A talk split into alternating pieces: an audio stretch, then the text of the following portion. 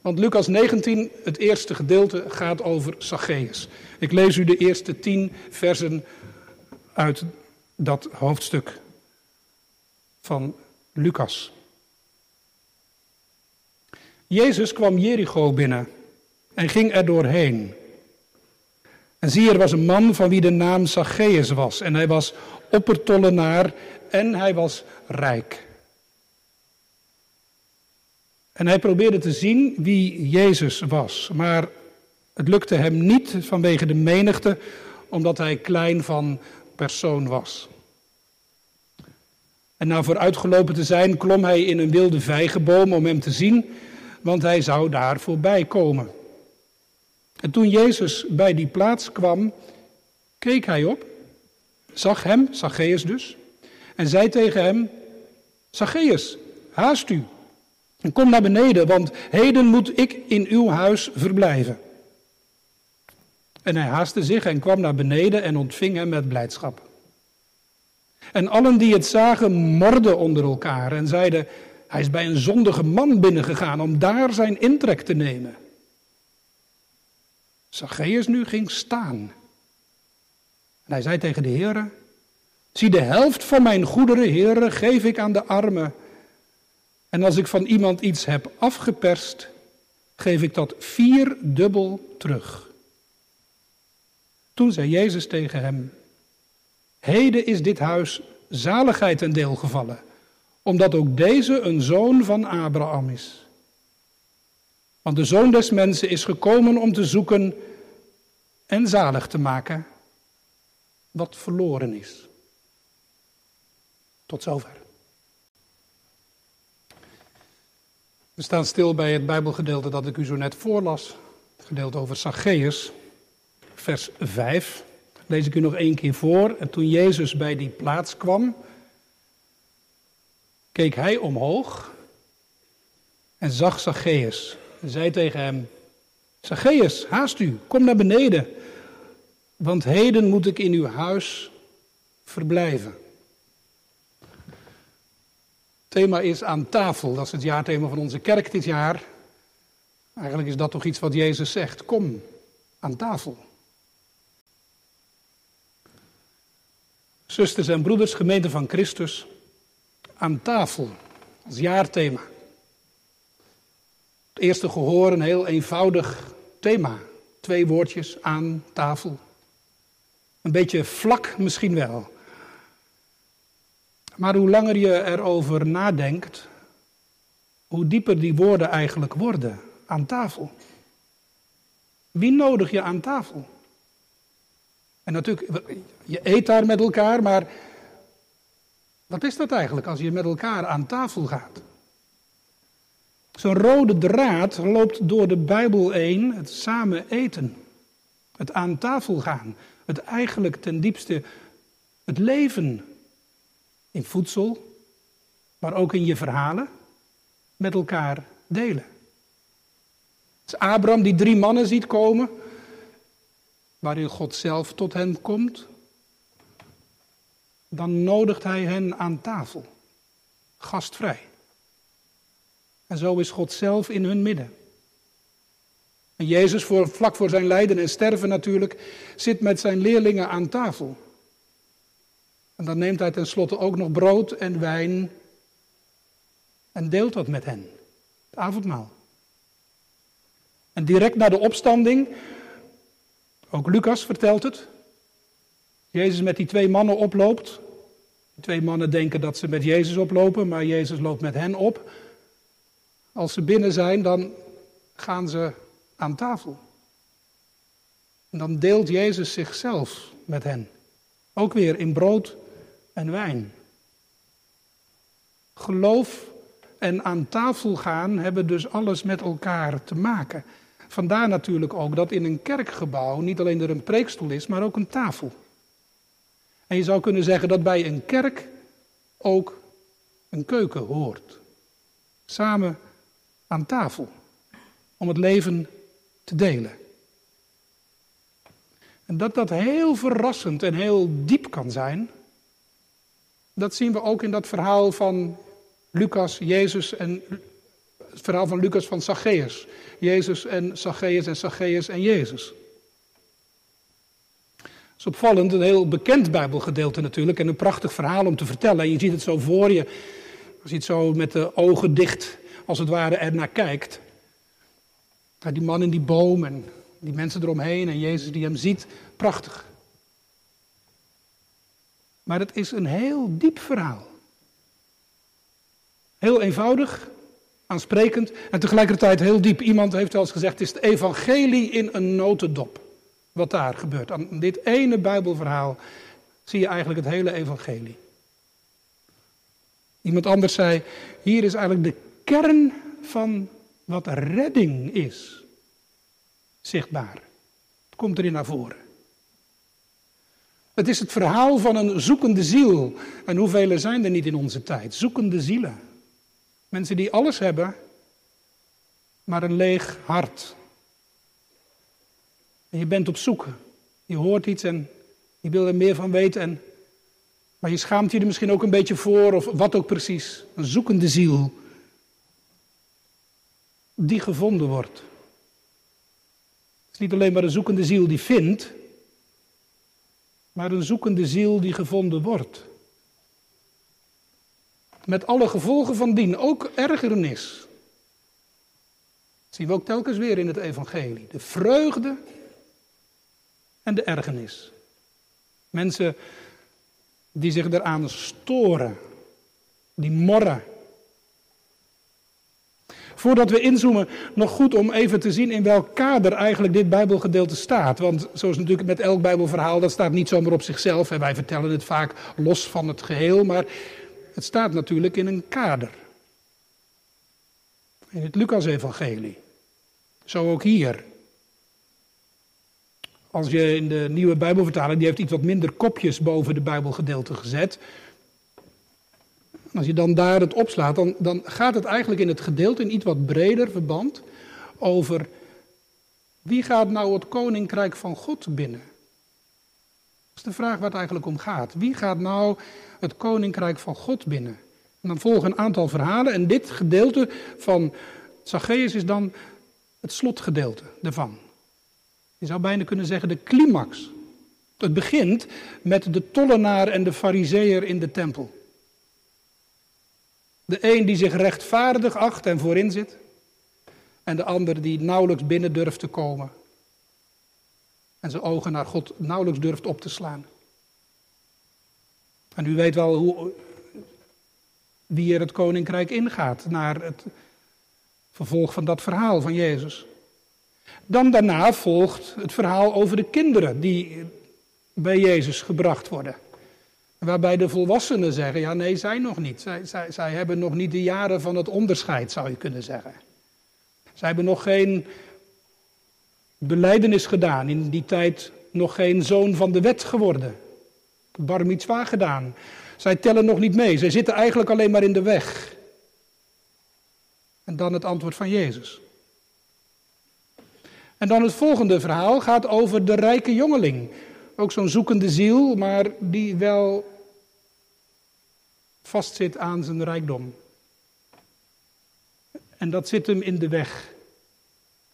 Waardoor hij eigenlijk ook niet binnen kan gaan. En dan de blinde aan de kant van de weg. Jericho. Jezus bij Jericho binnenkomt. Een en al verlangen heeft dat Jezus hem weer laat zien. Heilen schenkt. En de mensen die zeggen, wacht even. Jij niet. Jij hoort er niet bij. Voelt wel steeds die tegenstellingen. En dan het gedeelte over Zacchaeus. Als een soort climax. Zacchaeus kent het verhaal natuurlijk wel. Tenminste, waarschijnlijk. Ik ga ervan uit dat u het kent, maar misschien is het ook al nieuw voor u. Maar een hoofdtollenaar, ambtenaar in dienst van de overheid, in die situatie wel van de Romeinse overheid. Een soort douanier, grens, Jericho, zo'n grensplaats. Nou ga je naar Nederland, welke plaatsen in ons land zijn in het verleden rijk geworden, hebben prachtige gebouwen vaak die plaatsen waar een grens was, waar mensen die passeerden belasting moesten betalen. Zo ook in Jericho. Vooraan staand iemand met een hoge functie. En zijn naam klinkt ook als een klok. Zacchaeus, de rechtvaardige, de zuivere eigenlijk, betekent het. Geweldige functie, rijkdom. Je moet zijn huis eens zien. En dan ook nog zo'n naam, de zuivere. Maar ondanks al de dingen die, je zou kunnen zeggen, die hem tot een succesvol mens maken, is het geen geliefd mens. Niet door de mensen, dat komt natuurlijk door zijn gedrag, want hij vroeg altijd een beetje meer dan waar hij recht op had en dat verdween in zijn eigen zak. Dat maakt je niet geliefd, maar blijkbaar ook niet bij zichzelf geliefd. Ook nog een hele opgave om van jezelf te houden. En tegelijkertijd een zoeker. Kent dat wellicht wel. Je hebt misschien wel alles wat je hartje begeert, succesvol mens. Maar dat zegt nog niet zoveel over hoe het aan de binnenkant is. Met je eigen ziel. Met liefde, of dat in je leven kan wortelen. Liefde van God.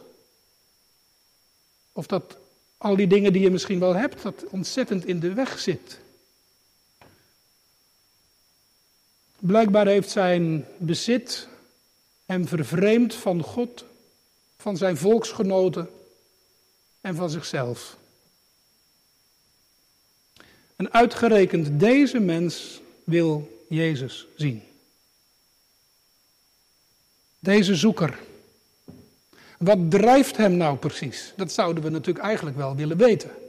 Wat was het nou dat Zacchaeus Jezus wilde zien en niet opgaf? Ook toen de mensen hem er niet doorlieten. Ik zat erover na te denken, zou ik hem, zou u, zou jij hem doorgelaten hebben? Als je zo ook, uh, Jezus komt langs, je staat te wachten en je ziet achter je, daar komt Zacchaeus. Zou zeggen, nou, u mag wel voor. Ik denk dat ik het niet gezegd zou hebben. Dat ik ook me een beetje breed gemaakt zou hebben en zou denken, nou, nou wacht jij maar eens even. Mensen laten hem er niet door. En toch geeft hij niet op. Toch geeft hij niet op. Het is opvallend dat Lucas helemaal niets vertelt over wat hem nou dreef om naar Jezus te gaan. En wat er van binnen allemaal bij hem speelde. Misschien moeten wij ook wel niet te veel in de ziel van een mens peuteren. Maar gewoon een mens ook, ook nemen zoals die ook tot je komt. Lucas vertelt het gewoon. Hij wilde gaan, om welke reden dan ook. Wat dan ook. En hij geeft niet op. Hij zet door. En hij wil Jezus zien. Hij wil niet zozeer innen, maar hij wil ontvangen. Hij wil, hij wil een blik van Jezus opvangen. En dan ineens, als Jezus dan ook daar aankomt, hè, vers 5, wat ik u net nog een keer voorlas, dan wisselt het perspectief. Misschien is dat altijd wel het geheim van het evangelie, dat het perspectief wisselt. Niet van ik naar God of naar de ander of hoe ook, maar God naar mij. God die mij ontmoet. Niet Zacchaeus ziet Jezus dan, eindelijk, daar is hij, nu zie ik hem. Nee, Jezus ziet Zacchaeus. Genadige perspectiefwisseling. Die ontdekking. Zo'n mens zoals je bent. Met alle dingen, mooie dingen, minder mooie dingen, fouten, schuld. Gezien worden. Zomaar ineens ontdekken dat je gezien wordt. Niet weggekeken. De mensen keken Zacchaeus weg. En ik zou misschien hetzelfde doen. Maar Jezus kijkt hem niet weg, om zo te zeggen. Maar hij kijkt hem naar zich toe.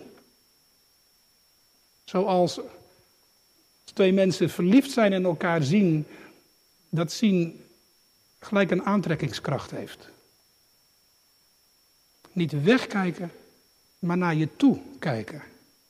Dat ineens ontdekken. Dat is toch het geheim van het evangelie? Dat God je ziet in Jezus. Met alles wat op je aan te merken is. Met alles wat er wellicht in een mensenziel kan spelen. Wat al niet. Het zal zo zijn. Gezien worden. Niet weggekeken. Maar naar hem toe gezien worden. Een zoeker die gevonden wordt. Jezus loopt hem dus niet voorbij. Maar hij zegt, Zacchaeus, kom aan tafel. Bij jou, in jouw huis. Nou, dat is toch wel een beetje de wereld op zijn kop. Denk het je eens in. Jezus die hem bij name lijkt te kennen, want hij noemt hem bij name. Die vandaag nog bij hem in zijn huis wil zijn. Dat is ook wel weer zo'n klein woordje. Maar het goed is om even de vinger bij te leggen. Heden, vandaag. Dat klinkt vaker in het Lucas-evangelie, in de kerstnacht. Heden is u geboren, Christus de Heiland. Nu, op dit moment. En ietsje verder in het evangelie dan waar wij nu lazen, de kruisiging, die medegekruisigde, die het voor Jezus opneemt. En Jezus die zegen hem zegt, heden, op dit moment, met mij in het paradijs. Hetzelfde woordje klinkt ook hier. Heden, nu, vanaf dit moment, bij jou in huis. Je voelt wel, in dat kader staat het gelijk. Geboorte, kruis, Zacchaeus. In zijn huis wil Jezus zijn. Aan tafel, zeker, maar hij wil zelfs de nacht bij hem doorbrengen. Zou u het doen? Bij Zacchaeus? Daar een nacht doorbrengen? Bij die Zacchaeus? Ik denk dat ik iets anders zou reserveren dan bij Zacchaeus. Bij zo'n figuur die, je weet maar nooit wat hij allemaal doet. Zacchaeus, Jezus die hem ziet, bij name noemt, die met hem aan tafel gaat en die bij hem de nacht doorbrengt. Het is toch ook geen wonder dat men mort. Dit gaat tegen alles in bij Zacchaeus aan tafel, bij hem de nacht doorbrengen. Een mens waar zoveel op aan te merken is, die niet te vertrouwen is, onsympathiek mens. Opvallend toch dat Jezus hem daar niet op vastpint. Zoals wij mensen zo vaak natuurlijk doen. We hebben een beeld van iemand en dat is het dan ook. En Jezus pint hem er niet op vast. Maar hij zoekt hem op. Hij ziet hem in liefde en ontferming. Morrende mensen en wat een verschil met Zacchaeus zelf. Zacchaeus, hij kan zijn vreugde eigenlijk niet op. Je kunt het wel voorstellen natuurlijk, dat ineens iemand je ziet in liefde. Niet wegkijkt, maar naar zich toe kijkt. Die zijn leven met jou wil delen, want dat doe je toch als je samen eet, het leven delen. Die zelfs bij hem de nacht wil doorbrengen. Hij kan zijn vreugde niet op.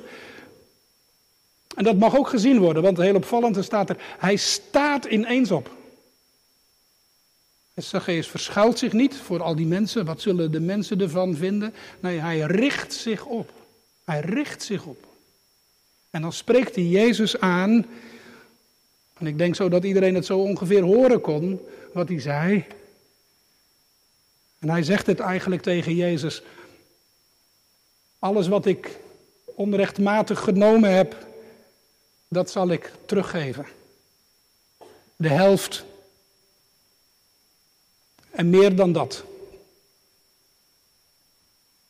Het is wel prachtig om daar toch ook even een streep onder te zetten, want gezien worden door God, genade ontvangen, vreugde die je dan ervaart, is niet alleen maar een gevoel, waardoor je gewoon weer daarna verder kan in je eigen leventje maar heeft grote consequenties voor je leven. De schuld moest, om zo te zeggen, ingelost worden, heel concreet. Onrecht moest rechtgezet worden.